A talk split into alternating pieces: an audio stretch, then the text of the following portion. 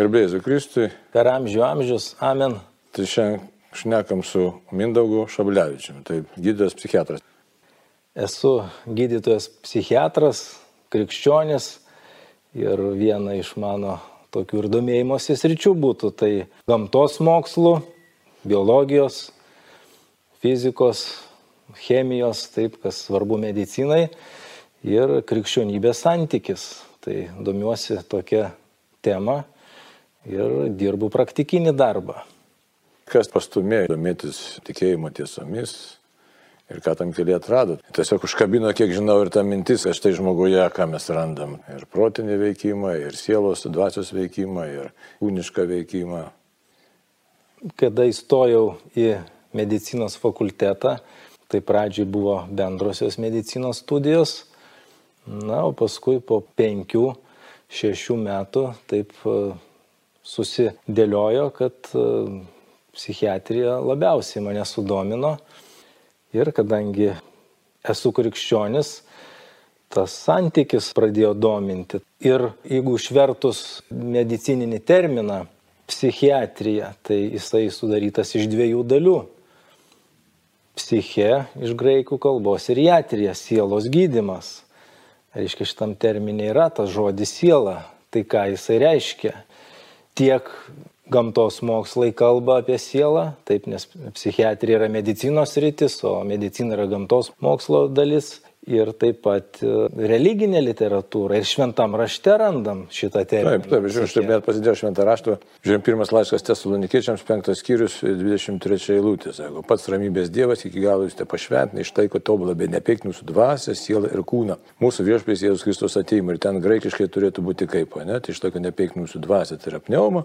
Siela reiškia, tai mes turim žodį psichija ir kūna yra žodis soma. Čia yra šiek tiek terminologija tokių mums, kas susijęs su doktrina, aš paaiškinsiu šiek tiek tokių niuansų. Tai paskui Mindaugas galės jau šnekėti savo temą, kad nesusidarytų žiūrovom ir klausytojom tokia klaidinga interpretacija, nes mes tą psichiką, kai tariam, tai kaip ir pats sakė, ne, tai ten kartais verčiam sielą, o lietuvių mes turim sielą, dvasiam, tai mums yra iš tikrųjų sinonimai. Ir todėl gali mūsų susidaryti tokia kolizija, kad štai ir tai, ką šventas raštas sako, ne va tai apie kokias tai dvi sielas arba dvi dvasias, iš tikrųjų taip nėra. Tai aš Mindaugas ir paaiškins, kokia tai yra, ar čia siela, ar čia dvasia, na, žodžiu, bet reikia žinoti, bažnyčios mokymas yra šitos, kad žmogaus substancinė forma yra protinga siela, protas yra sielai priklausanti duotybė, bet visą tai reiškia kūniškame žmoguje. Nu, ir kaip tai paskui susidėsto, galėsime tai pasižiūrėti. Tai tiek, nes e, šitą vietą noriu įspėti visus, kad nepatektume kažkokį tai ezoterinį mąstymą ir galvoti, kad štai yra kažkoks tai ten dar kažkokia siela, ar ant sielos ir dar kažkas panašiai. Bet šiandien galėtume kalbėti apie tokius nu, dalykus visai kitokius, kad tai yra natūralus žmogaus buvimas. Tai tiesiog tokia norėjau pastabėlę padaryti. Nu, ir dabar paklaus vis dėlto labai įdomu dar prieš kalbant apie tą tiesiog va, tą tokį žmogaus veikimą, kaip psichiatras susidomėjo tikėjimu. Kodėl dabar šito klausiu? Toks provokuojantis yra momentas, nes Aš tik manau, kad visuomenė kažkiek ta psichiatrija ir stigmatizuojama, ir kažkiek, na, ir tokia iš kita vertus savotiškai padaroma. Nu, iki, ypač tarybiniais laikais buvo tai kažkokia slėpininga forma, kad štai čia jau kažkas tokio labai negero, blogo, ar dar kažkas, tai tokių juokų apie tos psichiatrus būdavo, tokių piktybinių kartais, kad štai pats padirbo psichiatrinį ir paskui pačiam stogas pavažiavo.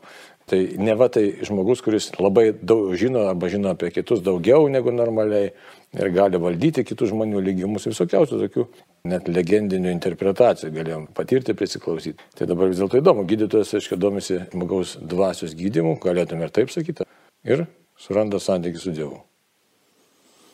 Taip, tai būtent toks supratimas ir toks jausmas, kad gamtos mokslai nepakankamai viską paaiškina gerai ir paskatino daugiau domėtis dvasiniais dalykais. Tokia būtų ta mano tokia istorija, kuri nuvedė, kad e, savo darbe, praktikoje bandau derinti tuos dalykus. Galima paimti net taip tikrai gal kokį ir konkretų pavyzdį, sakykime, daugelis žmonių galbūt žino, kas tai yra refleksas, ir kaip veikia žmogaus judesių valdymo sistema. Sakykime, jeigu aš noriu pakelti dešinę ranką, tai smegenyse yra toks, čia ta soma būtų sfera, reiškia kūno e, valdymo centras, kuris valdo žmogaus judesius. Žinom, taip, jeigu žmogus susirgo insultų, tai va, tas centras neveikia, žmogus nu, negali judėti, tai va ir tada iš smegenų eina impulsas, sakykime, į dešinę ranką ir aš ją galiu pakelti. Tai šitą visą kelią nuo smegenų centro iki rankos gamtos mokslai yra tikrai gan gerai. Nu aprašė, kaip tai vyksta, kaip yra smegenyse tam tikri centrai, tada eina į nugaros smegenis, tada per periferinius nervus iki raumens.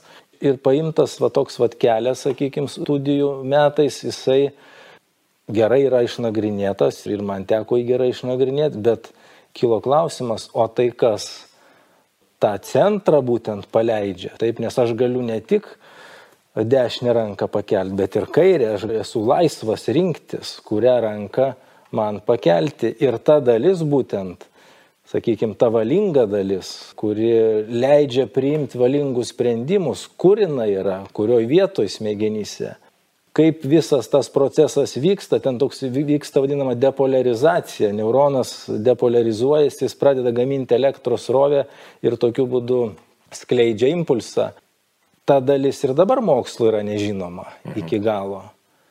Kaip vyksta valingas žmogaus pasirinkimas? Ar viena veikla užsimti, ar kita? Ar vieną idėją vystyti, ar kitą? Nu čia jeigu perėjus idėjų pasaulį, iš vis jau įdomu, nes matai ranką koją čia pakelt, tai dar galim sakyti, prisiminami Pavlovą, ne refleksus. Tai... Nu, aš tokį paprastesnį ja. pavyzdį paėmiau. Taip, žinoma, kad... Bet jeigu pasirinkti vertinti, sakysim, situaciją, kaip ir dabar, ar karo ten situacija, nu, bet, bet kokią situaciją vertinti, tai jau čia visai kita sfera, ne? Tas valingas žmogaus sprendimas, tai vis tiek ta pati sfera, sakyčiau, ar pakelti ranką, ar pakelti ranką prieš savo artimą, sakykim taip, nes laida dabar filmuojama karo Ukrainoje metu, taip dalis žmonių nusprendė pakelti ranką prieš savo brolį. Tai toks buvo jų sprendimas, kurioj ten vietoj įvyksta tas apsisprendimas, kokia jo biologinė kilmė, tai medicina ir gamtos mokslai negali pasakyti. Ir čia vad kyla tikrai klausimas, galbūt ta sfera, kurioje įvyksta valingi žmogaus apsisprendimai ar sąmoningi, apmastyti, paremti tam tikrą logiką. Taip ar sveika ar nesveika, čia kitas klausimas, bet vis tiek tam tikra logika. Ar jinai kyla iš smegenų, jinai čia yra smegenų dalis, ar tai yra kitos, sakykime, substancijos laukas, kuris nu, veikia per smegenis jau, sakykime, taip eitų kalba apie tą būtent dvasinę žmogaus sielą, apie tą dalį. Tai va, tokių va kilo klausimų, man tie klausimai kyla ir dirbant ir klinikinį darbą. Kas sąlygoja tam tikrus žmogaus e, sprendimus ir tikrai tai ne visą laiką galima taip paprastai paaiškinti, kad tai yra tiesiog biologinis neuronų medžiagų apykaitos sutrikimas.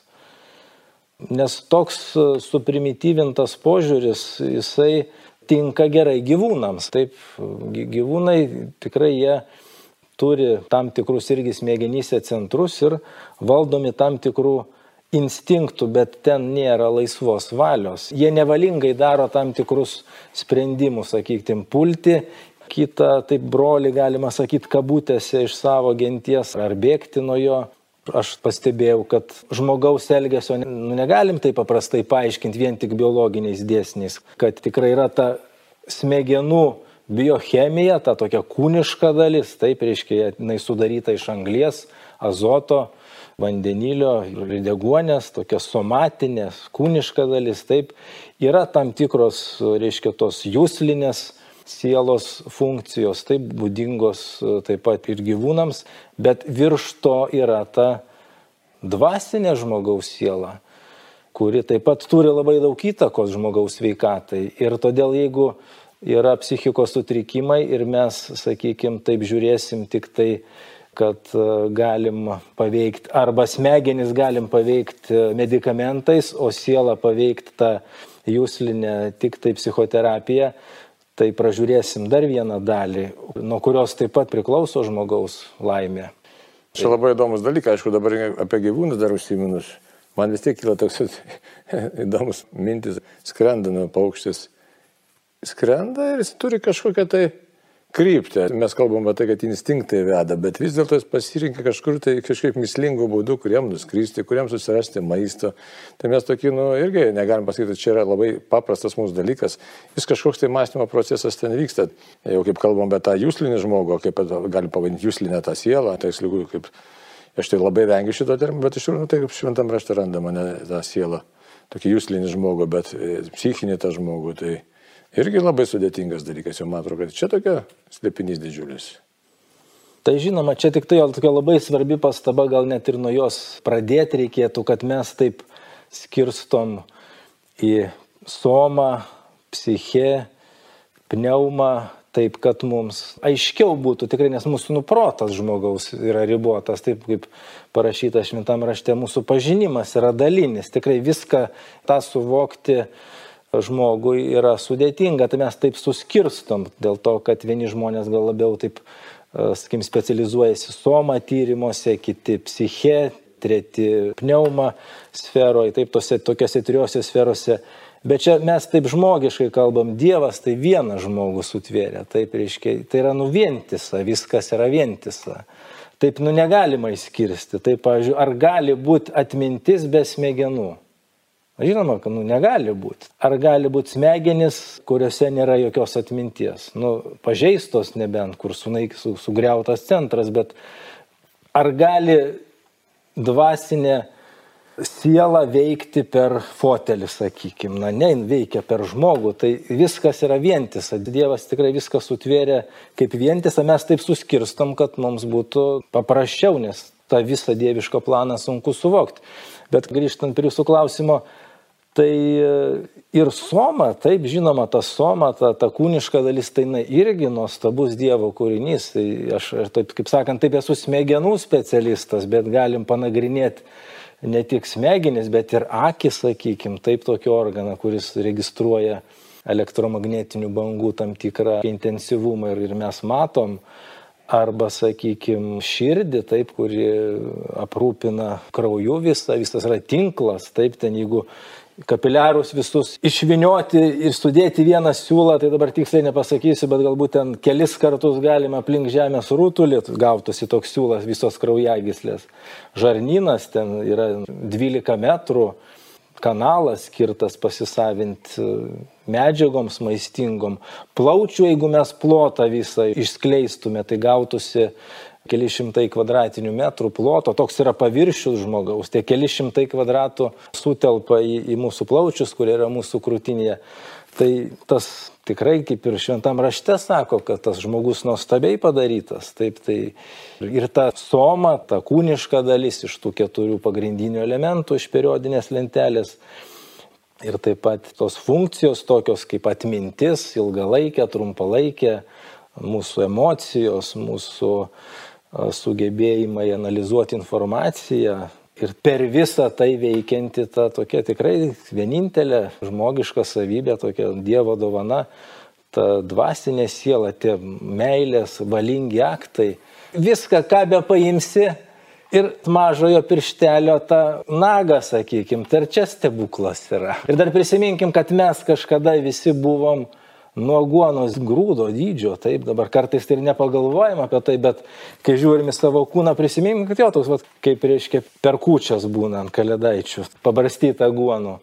Tai kad mes kažkada va, buvom tokio dydžio, vat, kaip tas aguonos grūdas, o dabar va tokie va esam. Stebuklas. Slėpinys kažkoks, tikrai stebuklas. Nu ir ką pasidalinant apie tą dvasinę tikrovę, dar kažką ten turėjai idėją pašnekėti, pasakyti. Dabar čia tokios jau prie praktikinės gal kažkiek tai dalies prieit kaip darbe, tai yra aktualu.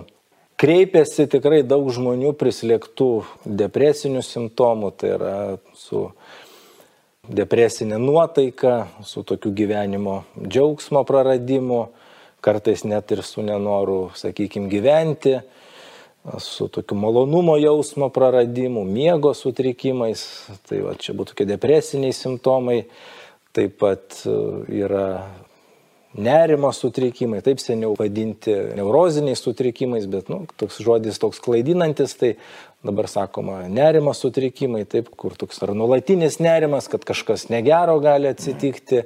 Grėsmės pojūdis, ne? Grėsmės ar kažkokios tokios vadinamos specifinės baimės, tai fobijos, tam tikrų dalykų žmogus bijo, ar susirgti lyga kokia tai, sakykime, sunkia. Kada kreipiasi tie žmonės, kiek įmanoma, kiek leidžia galimybės, pabandau darbę pereiti per visas tas tris sferas. Kokie somatiniai veiksniai turi įtakos, taip kažkoks tai gyvenimo būdas tam tikras, dienotvarkės, disciplinos, mytybos dalykai, taip, kurie veikia žmogaus kūną, o nu, smegenys yra kūniškas organas, taip jis jį galima tyrinėti gamtos mokslų metodais. Psichologija atskira sfera yra tokie psichoterapeutai specialistai, jie šitos sferos žinovai, tai rekomenduoju ir juos kreiptis. Na, iš dvasinių dalykų, ką pacientams rekomenduoju, kurie kenčia nuo depresijos, nuo nerimo sutrikimų, tokių ir keletą tokių dvasinių dalykų pabandyti paliesti vieniems. Tai labiau priimtina, kitiems mažiau, bet visą laiką bandau pasiūlyti žmonėms tikrai nukelti tą klausimą, kad tikrai mes iš to vataguonos grūdo dydžio esame atsiradę. Tai ar gali toks atsiradimas būti beprasmis, nes nu, žmonės tikrai būna kartais prislėgti beprasmybės, taip, tai jūs savo ruoštų galbūt iš kitos pusės žiūrit, iš dvasinės, bet aš taip iš tos gamtamokslės pusės sakau, juk gamta nedaro tokių atsitiktinumų, taip reiškia mūsų pasaulis jis tvarkingas yra, jame yra dėsnė, jeigu tos dėsnius ten nors kiek pakeistum, fizikai sako, kad Reiškia du variantai, arba visa ta išsisklaidytų į dalelės elementarės, arba sukristų į tą vėl tą pradinį tašką. Yra desningi dalykai, tai jeigu tu atsiradai ir tau leista būti šitame pasaulyje, tai tame yra kažkokia tai prasme, gal nejauti šiuo metu jos, tikrai gal toks jausmas yra dingęs.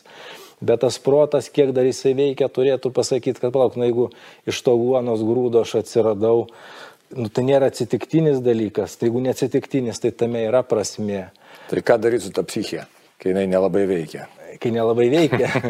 nu, reikia visus tikrai metodus tris taikyti. Taip, tikrai reikėtų, va, jo, sakau, tam žmogiškam protui sunku viską apimti, tai kartais tokių kraštutinumų pasitaiko. Pirmiausia, tai ko nereikėtų daryti, pasakysiu. Nereikėtų nei pacientam, nei žmonėm, kurie dirba su pacientams ir dvasininkai juos konsultuoja, nenukrypti į tokį, žinot, tokį redukcionalizmą vadinamą. Taip nesakyt, kad nu, jeigu turi sutrikimų, tai gydimas yra įsoma nutaikytas, tai yra vaistai. Taip, tik medikamentai, reikia atstatyti smegenų biochemiją, serotoninas, dopaminas, noradrenalinas, kiti neuromediatoriai, atstatom medžiagų apykaita ir simptomų nebus. Tai čia toks būtų, reiškia, toks biologizacija vadinama. Taip pat neturėtum ir psichologizuoti, kad e, jeigu blogai jauties, tai tik reikia analizuoti savo šeimos istoriją. Ten, reiškia, iki penkių metų buvo kažkokios problemos su mama, su tėvu, disfunkcinė šeima ir dabar tai yra kančios dėl to pasiekmes e, turi ir tik tai nagrinėti šeimos istoriją. Tai čia būtų ta psichologizacija. Ir trečias kelias tai būtų, kad reiškia, nu, viskas Dievo valioj, vaistų nereikia, medicinos nereikia, šeimos analizės nereikia, melstis, tik prašyti Dievo malonės ir, reiškia, lygų žemėje nebeliks. Tai čia būtų patarimas pirmiausia visiems nesuskaldyti to žmogaus, nes tikrai noris ir pagundų kyla. Taip, taip. Tai, tai va čia tas ir, irgi atskiras klausimas, tai gal čia ir irgi kokia jėga yra, kuri nori taip, kad žmonės viską suskaldyti. Bet čia labai aktualu, nes ilgą laiką ir buvo būtent tas toks labai kūniškas medikamentinis vien tik tai požiūris, ypač psichiatram būdingas, nes sakyčiau, tarybiniais laikais turbūt ypatingai. Na, Na paskui psichoterapija įsigalėjo, psichoanalizė, ypač vakaruose, tai pas mus tai reiškia atrodė, kad panacėja vien tik tai išgydys ir išgelbės. Ir kaip mes skaitom, sakysim, tuos rimtus autorius, sakysim, Erika Fromas skaitant, tai jisai net kaip vertina, kad štai ir Vatikanas paskui savo dokumente Kristus gyvo vandens nešėjas įvardino, kad štai atėjo toks laikas, kad psichoterapija tapo vos ne religijos arba net religijos pakaitalas. Na nu, ir aišku, tas yra fideizmas, taip pat kaip minėjot. Štai vien tik tai nieko nereikia, viską nubraukiam ir Dievas turėtų padaryti stebuklus. Aišku, jis gali padaryti stebuklus, bet čia yra toks labai rimtas klausimas, kartais padaro, kartais ne ir kodėl taip yra, mes ne, neturim jokio atsakymo. Galbūt Dievas nori padaryti stebuklą per kitą žmogų, kuris tau padeda, tai irgi nu, stebuklas yra. Tai, kai klausėt, tai ką daryti su ta psiche, su jo sutrikimais, tai lengvesniais atvejais, kada nėra sunkus depresijos, nerimo simptomai, aš čia tos sutrikimus paėmė, aišku, jų daugiau yra ir, ir kitų, bet čia tokie galbūt labiausiai paplitę ir dvasininkų žmonės kreipiasi su depresijos, nerimo simptomais. Jeigu nėra sunkių tokių simptomų, kaip kad jau tikrai visiškai jokia veikla absoliučiai nebeteikia malonumo, tam tikrą prasme žmogus praradęs tą visiškai malonumo jausmą, tikrai tokia beprasmybė labai prislėgusi žmogų, ar ten minčių net yra tokių, kad gyventi nesinori, tai tikrai tikriausiai nedelsiant reikėtų kreiptis jau į, į gydytojus, jeigu tai yra sunkus simptomai, tokie vat, mano minėti. Ir tikrai čia gali būti, kad jau ir soma ligmenį, jau sutrikęs yra tas nusmegenų neuromediacijos procesas. Taip, kad ten yra jau soma sfero jau įvykęs pažeidimas ir jį atstatyti reikia medikamentų toks visiškas malonumo jausmo praradimas, tokia beprasmybė labai stipri, mintis, kad išeiti iš gyvenimo, stiprus toksai labai priepolinis nerimas, fiziniai tokie nemalonūs, labai ryškus simptomai. Tai reikėtų, aišku, nu, nelaukti ir kreiptis. Nu, o lengvesniais atvejais Tai yra tų ir nemedikamentinių priemonių, tai ir disciplina tam tikra, sakykime, taip reiškia 8 valandos darbo, 8 miego, 8 laisvalaikio. Nu bent jau tiek laikytis, taip iš tokių, sakykime, paprastų. Nu lengva pasakyti apie laisvalaikį. nu, lengva, žinot, kaip ir lengva išvardinti 10 Dievo įsakymų. Ar sunku jų laikytis? Čia jūs daugiau žinot, kiek procentų žmonių šimta procentų laikosi dešimt Dievo įsakymų. Nežinau, kiek koks tas procentas, nedidelis tikriausiai. Nors išvardinti jos lengva. Nu taip, geri dalykai jie nepasiekimi paprastai, bet jeigu žmogus pasiryšta, daro pasiryžimus, vardant to, kad jaustųsi geriau paskui, tai įvyksta. Na, iš, iš psichoterapinių praktikų, tai jų ten įvairios technikos yra psicho analitinė terapija, psichodinaminė, kognityvinė, tai yra tam tikri metodai skirtingi. Nu, iš dvasinių praktikų Tikrai dabar, kai mūsų tempas toks yra didelis, tos informacijos mes daug turim apdoroti. Taip, jeigu va taip pažiūrėt, tai kas keičiasi dabar ir prieš šimtą metų, va pasikeitė kažkas ar ne. Žmonės, tai man atrodo, tai nesikeičia. Tai yra Aš negaliu pasakyti, nes nu, negaliu gyventi tūkstančio metų, bet man atrodo, žmonės buvo visą laiką tokie patys ir bus, bet dabar labai toks informacijos didelis kiekis, sakykime, ir nuo jo atsitraukti tikrai kartais e, naudinga, kad pagerėtų savijauta. Taip aš jau kalbu, aišku, kaip gydytojas, taip nes yra kiti dalykai, taip tai yra dvasinis augimas, dvasinės pratybos tai jūsų sfera. Bet aš kalbu kaip gydytojas, kad aš sakau pacientams, jums turbūt reikėtų atsitraukti nuo to informacijos srauto ir tokios vietos kaip um, skirtos rekolekcijoms arba net ir maldos namai taip pat tikrai kaip priemonė, kurios priklauso žmogaus sveikata, tikrai yra rekomenduojamos. Tik sakau, aš aišku, neapsiriboju tik tai tuo, tai negydimo metodai, taip, tai yra dvasios sfera, bet kad jie turi teigiamą poveikį žmogaus sveikatai turi. Aišku, visko būna. Tai būna ir stebuklų, būna taip pat ir kai mūsų egzistencija baigėsi anksčiau negu mes norėtume. Taip žmogui kaip biologiniai rūšiai yra nustatytas laikas tam tikras. Tai yra 80 metų, maždaug 90. Taip kartais įvyksta, kad žmogus nesulaukia to laiko. Ir va čia tada tikrai kyla klausimas, tai kodėl taip, kodėl jis nu, ne, nepragyvena tiek, kiek paskaičiuota jam pagal tą tvarką esančią gamtoj. Toks irgi, sakyčiau, klausimas, kuris neturi vienareikšmio atsakymo. Yra genetinis tam tikras pažeidžiamumas, reiškia soma toj grinai sferoj, yra žmogaus pasirinkimai netinkami, kurie sutrumpina jo gyvenimą Ir yra dvasinė sfera, taip yra Dievo planas tam tikras. Ir kodėl vienas žmogus ilgiau gyvena, kodėl kitas trumpiau, kodėl vienas daugiau serga, kitas mažiau. Žinom, ir šventu, šventuosius, jeigu paėmus, taip, tai šventasis Kazimieras, jisai sirgo tuberkuliozę, kiek suprantu iš istorijos. Taip, tai, ir nes jis nesulaukė 80 metų, tai kodėl šitą žmogų užpuolė tą lygą ir kodėl jisai negalėjo jos įveikti. Aš tik kaip medikas pasakysiu, kad nebuvo antibiotikų tuo metu, bet sakau, bet čia neapsiriboju tuo. Bet čia įvairiai gali žiūrėti, aišku, Dievas vis laik savo planą turi. Čia toks jau labai rimtas klausimas, kaip suderinti supratimą savo prie Dievo plano. Dievo planas, aiškiai, gali savotiškai atlikti ir kystę, ne ta prasme, kad štai gali padėti arba negali padėti. Bet čia, nu, šiek tiek kita tema būtų, bet dabar apibendrinant mūsų šitą pokalbį, tai pati paskatino tą tokį žvilgsnį gilesnį į žmogų, į tą jo visą būti.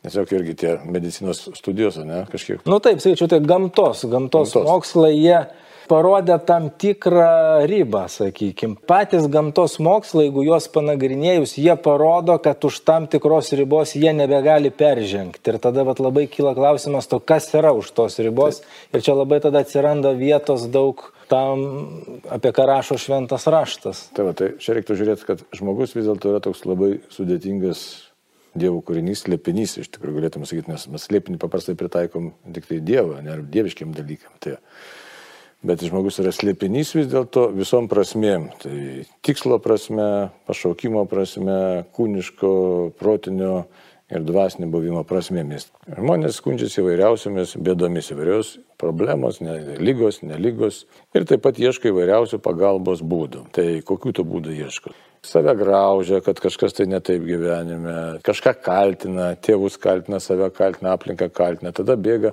pas visokius ir būrėjus būna, kad visokių ezoterinių dalykų ieško.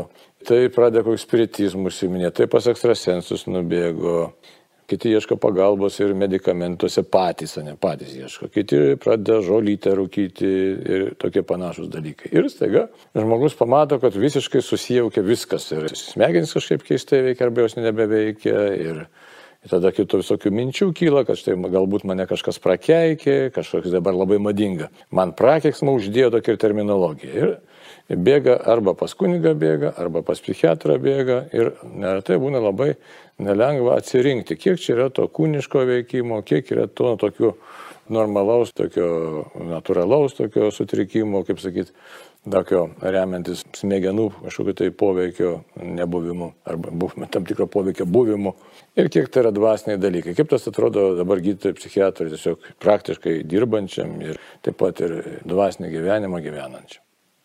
Taip, tai tikrai, kaip minėjot, neretai pasitaiko tokie dalykai, taip, kad žmogus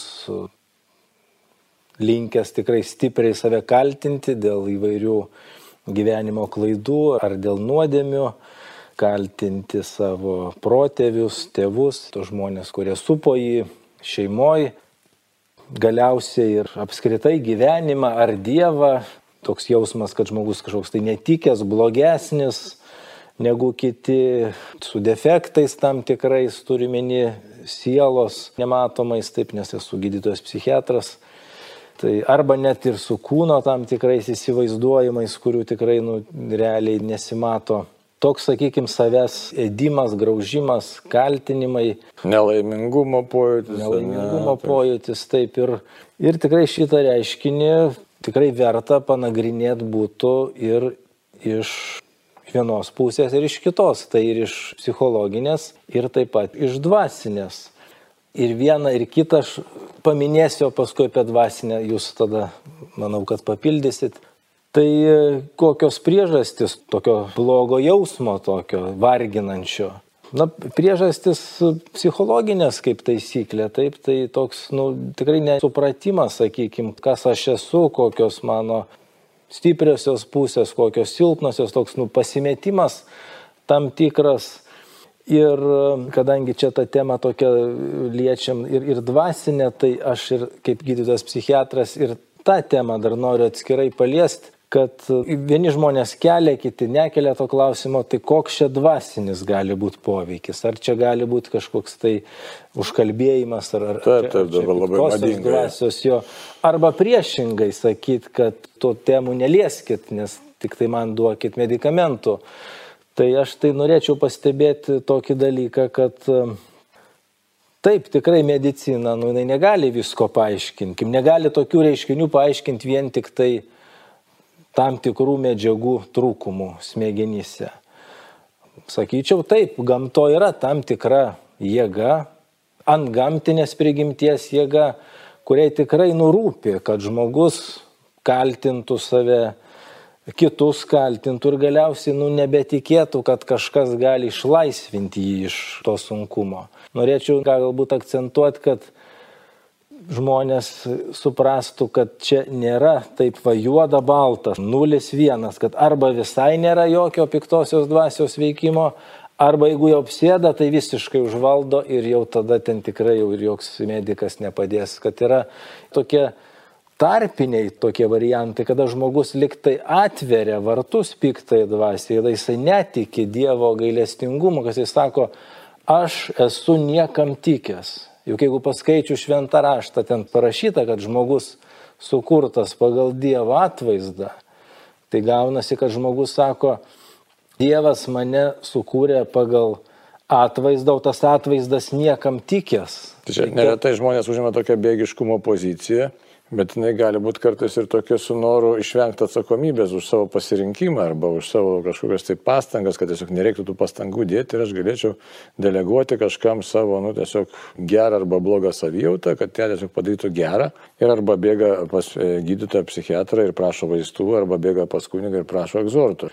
Bet tie atvejai gali būti ir sumišę. Kita vertus, sakau, dar reiktų pakalbėti apie tai ir priminti savo patiems ir klausytėms, kad tikrai neretai būna, kad žmogus tiesiog nenori spręsti problemos kažkokios. Tai nei vieno, nei antro atveju nenori spręsti, nenori įsipareigoti, bet nori, kad kažkas išspręstų kitas ir pasilieka tokiam, na, sakytume, tokiam nebrandos tokiam stovyje, kai tiesiog matau, kad man yra blogai, bet nenoriu jokio tokio sprendimo arba noriu tokio sprendimo, koks jis man būtų patogesnis. Pavyzdžiui, vienas žmogus nori labai būti apsėstas, kad tada jį išvaduotų kunigas iš tos jo bėdos, kitas būtinai nori tabletės, kad nereiktų nieko daryti, nes kai pas kunigą nueini, kunigas sako, pradėk keisti savo gyvenimą. Kitas nenori pas psichoterapeutą, kadangi vėl reikės kažkaip tai pamatyti savo gyvenimo tą realybę ir kažką tai reikės padaryti. Tai irgi, ar nesusidurėm su tam tikro vengimo tokio elementu?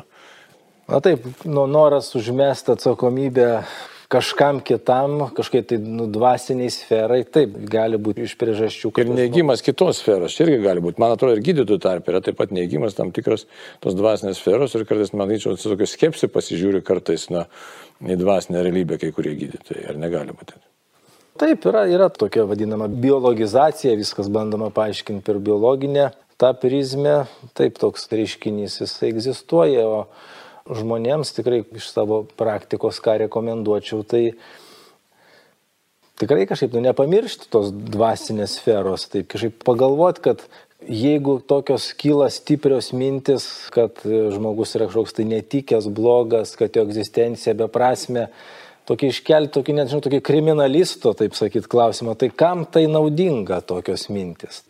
Žinoma, kad e, tikriausiai tuo metu bus ir kažkokie ir biologiniai galbūt pakitimai, ir medicamentinio gydymo tuo metu reikia, kai žmogus labai prislėgtas, bet jeigu žmogui nėra svetimas tikėjimas arba jisai ieškantis yra, o gal ir, ir jisai praktikuojantis yra, pagalvoti, nu, tokius vat klausimus, kam naudinga, kad žmogus jaustųsi blogas. Kam naudinga, jeigu jis nori nutraukti savo egzistenciją. Kam naudinga, jeigu jisai sako, Dievo gailestingumo nėra. Jeigu ir kažkam yra, tai tik ne man. Dievas galbūt ir atleis kitam žmogui, bet man tikriausia ne. Kas čia per tokia jėga? Jis turi ir psichologinį pagrindą, taip kaip, kaip minėjom. Tai šeimoje problemos, tai yra galbūt tikrai kartais ir, ir pernelik noras kažkaip supaprastinti tą žmogaus suvokimą, bet toks abipusis ryšys per lygą žmogus gali būti labiau pažeidžiamas piktai dvasiai ir priešingai piktosios dvasios veikimas, atsiverimas, jos nesisaugojimas nuo jos gali gadinti žmogaus sveikatą, sakyčiau, toks nuo abipusis ryšys gali būti. Tai svarbu suprasti, kad e, čia nėra taip viskas paprasta, kad arba tie dalykai nuo manęs labai toli, arba aš netikiu jais, arba aš taikau tam tikras praktikas ir manęs tai tikrai nepalies, arba vis, visiškai reiškia toks vengimas atsakomybės ir visko užvertimas dvasiniai praktikai, kai dalis tikrai nuo žmogaus priklauso. Bet mes čia lindame į minčių sferą iš tikrųjų tokia, nes žmogus dažniausiai nustemba, kad štai man ateina įvairiausių tokių minčių, kurių, nu, kaip aš galvoju, neturėtų būti ir kurios manęs patį išgazdina. Paprastai, aš ypač jeigu nerimo ten grėsmės atveju ar dar kažkokiu tai, kodėl žmogų varginas, tai sako, mane kažkas prakeikia. Daro dėl ko tokias išvadas. Pačius kreipiasi, sako, mane galbūt ten apsėda. Kaip nu, taip, būna? čia tokie, tokie jo būna klaidingi įsitikinimai, klaidingos mintis. Toks dalykas kaip baime, vien tik su ta baime žmogui sunku gyventi ir jis ieško paaiškinimų. Ir kartais tie paaiškinimai tikrai jie netitinkantis realybės. Taip žmogui yra, kad jam lengviau bijot kažkokio tai realaus dalyko, negu būti su tokia baime be jokios minties, nes toks mechanizmas gali būti sunkesniais atvejais, kada yra baime, prislėgtumas, jau net nebelydimi kažkokių tai minčių, sakykime, čia jau link jau kryptų link į psichozės pusę, kada yra įtampa, baime, nerimas, o protas jau net nebegali pasakyti, ko žmogus bijo.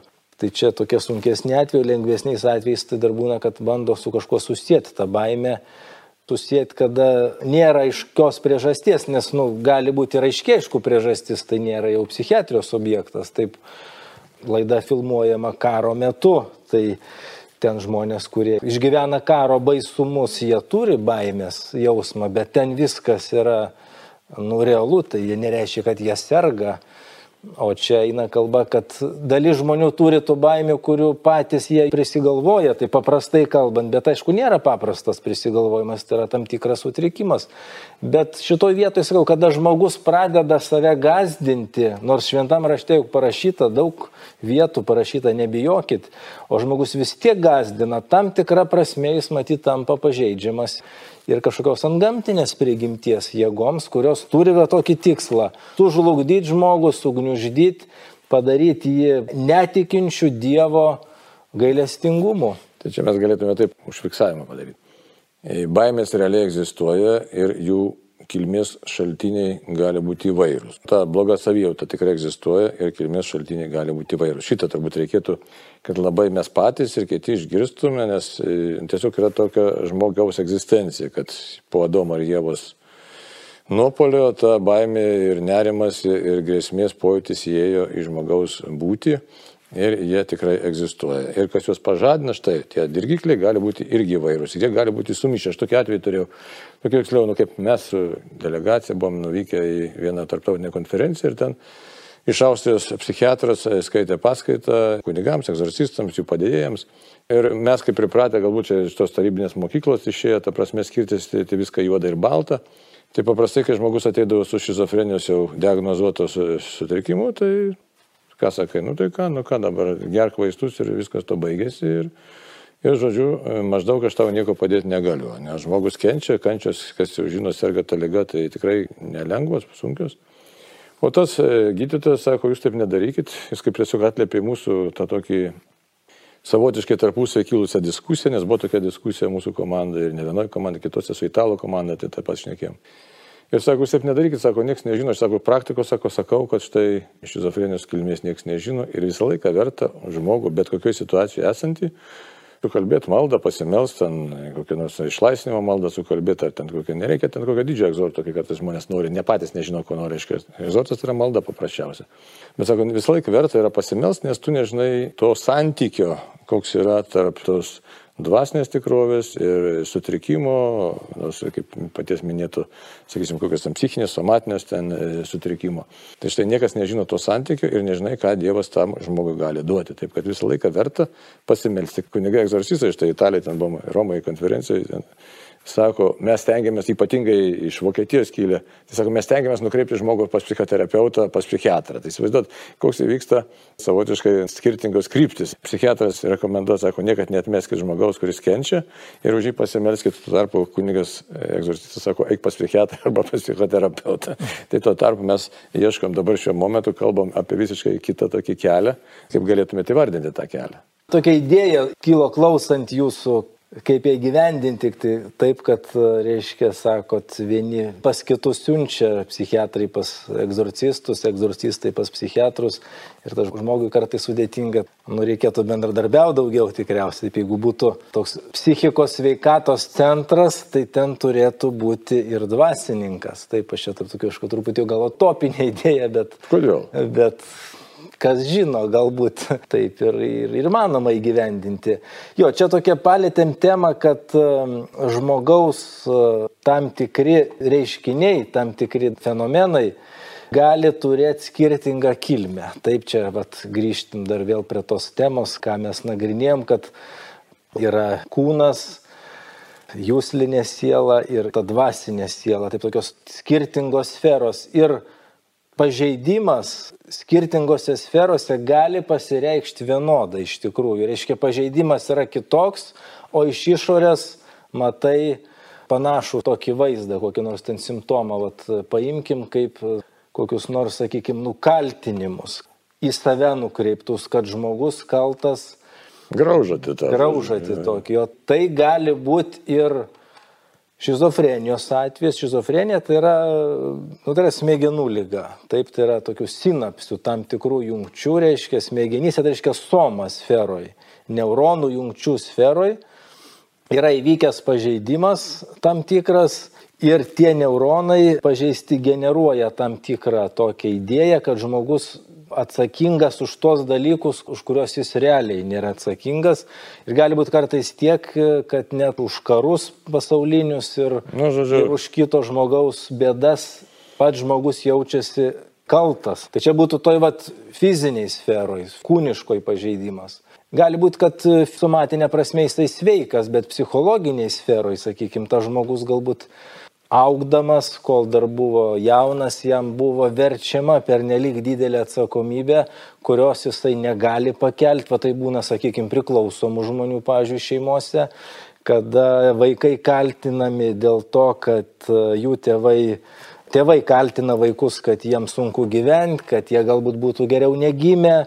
Taip sako, aš geriu dėl to, vat, kad tu gadini man gyvenimą. Tai va toks čia smurtas būtų psichologinis, gali tokią žymę palikti žmogaus gyvenime, kad jisai paskui visą gyvenimą jaus kaltę, kad jis kažkoks netikęs, todėl kad tuo metu, kai jis turėjo žaisti, džiaugtis, vystytis, jam buvo įgrūsta į galvą mintis, kad jis yra kaltas dėl savo tėvo ar mamos gyvenimo. Nelaimio gyvenimo, gerimo ir taip toliau atrodo panašiai, bet pažeidimas čia jau ne soma sferoj, o toj psichės sferoj, taip turiškai jūsliniai sieloj. Ir sakau, trečias variantas, kada galbūt žmogus ir smegenys jos veikos ir daug maž saliginai gyveno tokioj sveikoj aplinkoj, bet dėl kažkokių tai priežasčių prasidėjo kažkoks, nu, nebepasitikėjimas, sakykime, tvarka esančia pasaulyje, tokia, nu, žiūrint čia, kiek jisai tikintis, tokia, nu, Dievo meilė, nežinau, tai, kad kas jį supa, kad tame yra kažkokia prasme, kažkoks tai gėris, grožis, jisai visą tą sąmoningai atmetė, pradėjo kalti savo į galvą, kad jis yra kažkuo tai galbūt blogesnis negu kiti, nes pamatė kitų žmonių gyvenimą, sakykime, gal net per kokią portalą, sakykime, kur tikrai viskas labai gražiai paspalvinta. Nu, šitaip supaprastintai kalbu, bet tai irgi veikia. Ir pradėjo savo kalti galvą, kad jisai yra kažkuo tai blogesnis negu kiti. Tai čia jau tada būtų, sakyčiau, nu, va, atviri vartai liktai kaip ir, ir tos ant gamtinės kilmės jėgoms jį toliau stumt tą linkmę tokie kaip nuvarginimai būtų. Taip, taip. Tam tikra prasme apsėdimo forma, tik tai ne tokia ne visiško, bet tokio stumimo žmogaus į nelaimingumo būseną. Taigi paėmiau tris atvejus, Atrodo, jie iš šono panašiai, Panašūs, bet pas vieną yra pažeistos sinapsės smegenyse, pas kitą labai nesveika šeimos istorija, pas trečią toks Dievo gailestingumo ir tokios pasaulio tvarkos atmetimas. Tai va, atskirti tikrai gal kartais nėra taip paprasta, tiesiog grįžkim prie tos idėjos Nu, reikia to bendradarbiavimo. Matai, kas yra, ir daug gali būti dar vienas atvejis įdomus, tai reiškia, pats turbūt vienas iš sudėtingiausių, kai būna ir pažeistas, pavyzdžiui, smegenys, ir ant gamtinis tas, reiškia, piktojo veikimas, arba ir sudėtinga šeima, ir ant gamtinis veikimas, arba būna, sakysim, ir smegenys pažeistos, ir šeimoje ten betvarkė buvus, ir ant gamtinis veikimas. Tai tokie atvejai iš tikrųjų būna labai sudėtingi Bet kas yra įdomaus, kad nu, savotiškai tokio teigiamo, jeigu tikrai ten būna, sakysim, atgamtinis veikimas, tai pasimeldus, kas yra įdomiausia, teko tokiu atveju daryti. Pasimeldus, štai, sakysim, žmogui iki tol neveikia arba prastai veikia vaistai. Ir staiga paskui nusprendėm, kad po maldos pradeda veikti vaistai, žmogui palengvėja, tiesiog jisai nu, dinksta halucinacijos arba jos sumažėja, bet vaistų poveikia. Tai va. O iki tol, pažiūrėjau, būdavo tokie atvejai, kad, sakysim, net ir vaistai nepadeda. Tai čia, aišku, niekada negali žinoti. Čia toks tikrai sudėtingumas kame yra, kad ir bendradarbiavimo reikia, bet čia toks vis tiek yra, kaip sakyt, niekada tokio aiškumo šimtaprocentinė neturėsi.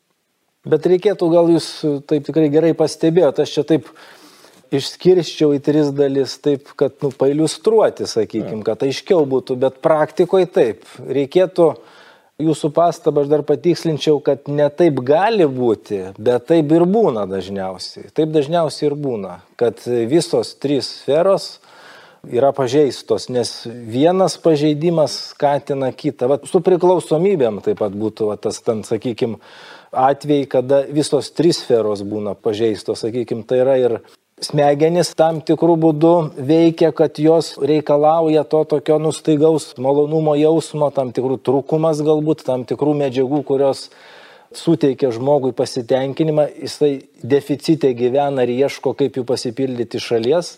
Tas jo pasirinkimas turi ir šaknis šeimoje ir tuo pačiu žmogus taip besielgdamas atmesdamas tą Dievo galestingumą, kad kažkaip kitaip jisai gali gyventi realybėje, jis bėga nuo jos, iški savo psichoaktyvėją medžiagą, sako, šitą realybę traukiam iš šono, aš noriu gyventi toj, kuri sukelta psichoaktyviosios medžiagos, visi trys. Tai pastaba būtų, kad dažniausiai tai taip, tikrai negali būti, bet visose trijose sferose būna tas pažeidimas. Ir vėl grįžtam prie to, kad norint padėti psichikos sutrikimo atvejais, pagalba turi būti kompleksinė, kiek įmanoma labiau kompleksinė. Tai yra ir medicininė, ir psichoterapinė, ir dvasinė. Taip galim pasiekti geresnių rezultatų ir tos kryptis tikrai jos dera tarpusavį, jos viena kitai tikrai netrukdo ir neprieštarauja. Matai, kaip paspaminėtas atvejis, jeigu ten žmogus pasirinka tam tikrą kelią, nepriklausomybės, ten dar kažkokį, tai tada tiesiog atveria kelią, tai drąsiai reikia sakyti, reiškia, ima bendradarbiauti su destruktyviom jėgom, ar reiškia konkrečiai su demoniškom jėgom. Ypač tiems, kurie narkotikus linkia vartoti intravenius ir panašiai, tai čia tiesus kelias, reiškia, į tokį daugelįpį, kaip sakyti, daugias sluoksnį žlugimą. Bet būna vienas atvejis, kai, sakysim, ir sveikos smegenys, ir šeima normali, tačiau Tas galbūt atvejis būna aiškiausias, kai žmogus pats lenda į tą dvasinę sferą, sakysim, ten nu, užsiemė burtis, nuėjo pas burėją, dėl kažkokių tai priežasčių, nors aišku, teko žiūrėti kai kurių psichiatrų pasisakymą, sako, jeigu būtų sveikos psichikos žmogus, jis niekada neįtų pas burėją. Aišku, tai, nu, bet čia jau interpretacija, čia vertinimas. Kritiškas yra. būtų labiau. Na, ja, jis būtų labiau. Nu, bet, bet kokiu atveju, sakysim, nu, sugalvojo, kažkas prikalbino, pavyzdžiui, sako, nuėjau pas ten pas burėją ir staiga prasidėjo keišti reiškiniai. Tai reiškia, tokie reiškiniai, kurie iškrenta iš normalaus gyvenimo, taip sakyti, rėmų, iš normalaus gyvenimo supratimo. Tai aišku, čia tada, nu, jau būtų grinai dvasinė sfera ir tada tokiu atveju kunigui lengviausia yra padėti iš tikrųjų. Tai ką mes galim dabar mūsų bičiuliams, klausantiems ir žiūrintiems pasakyti apibendrinant?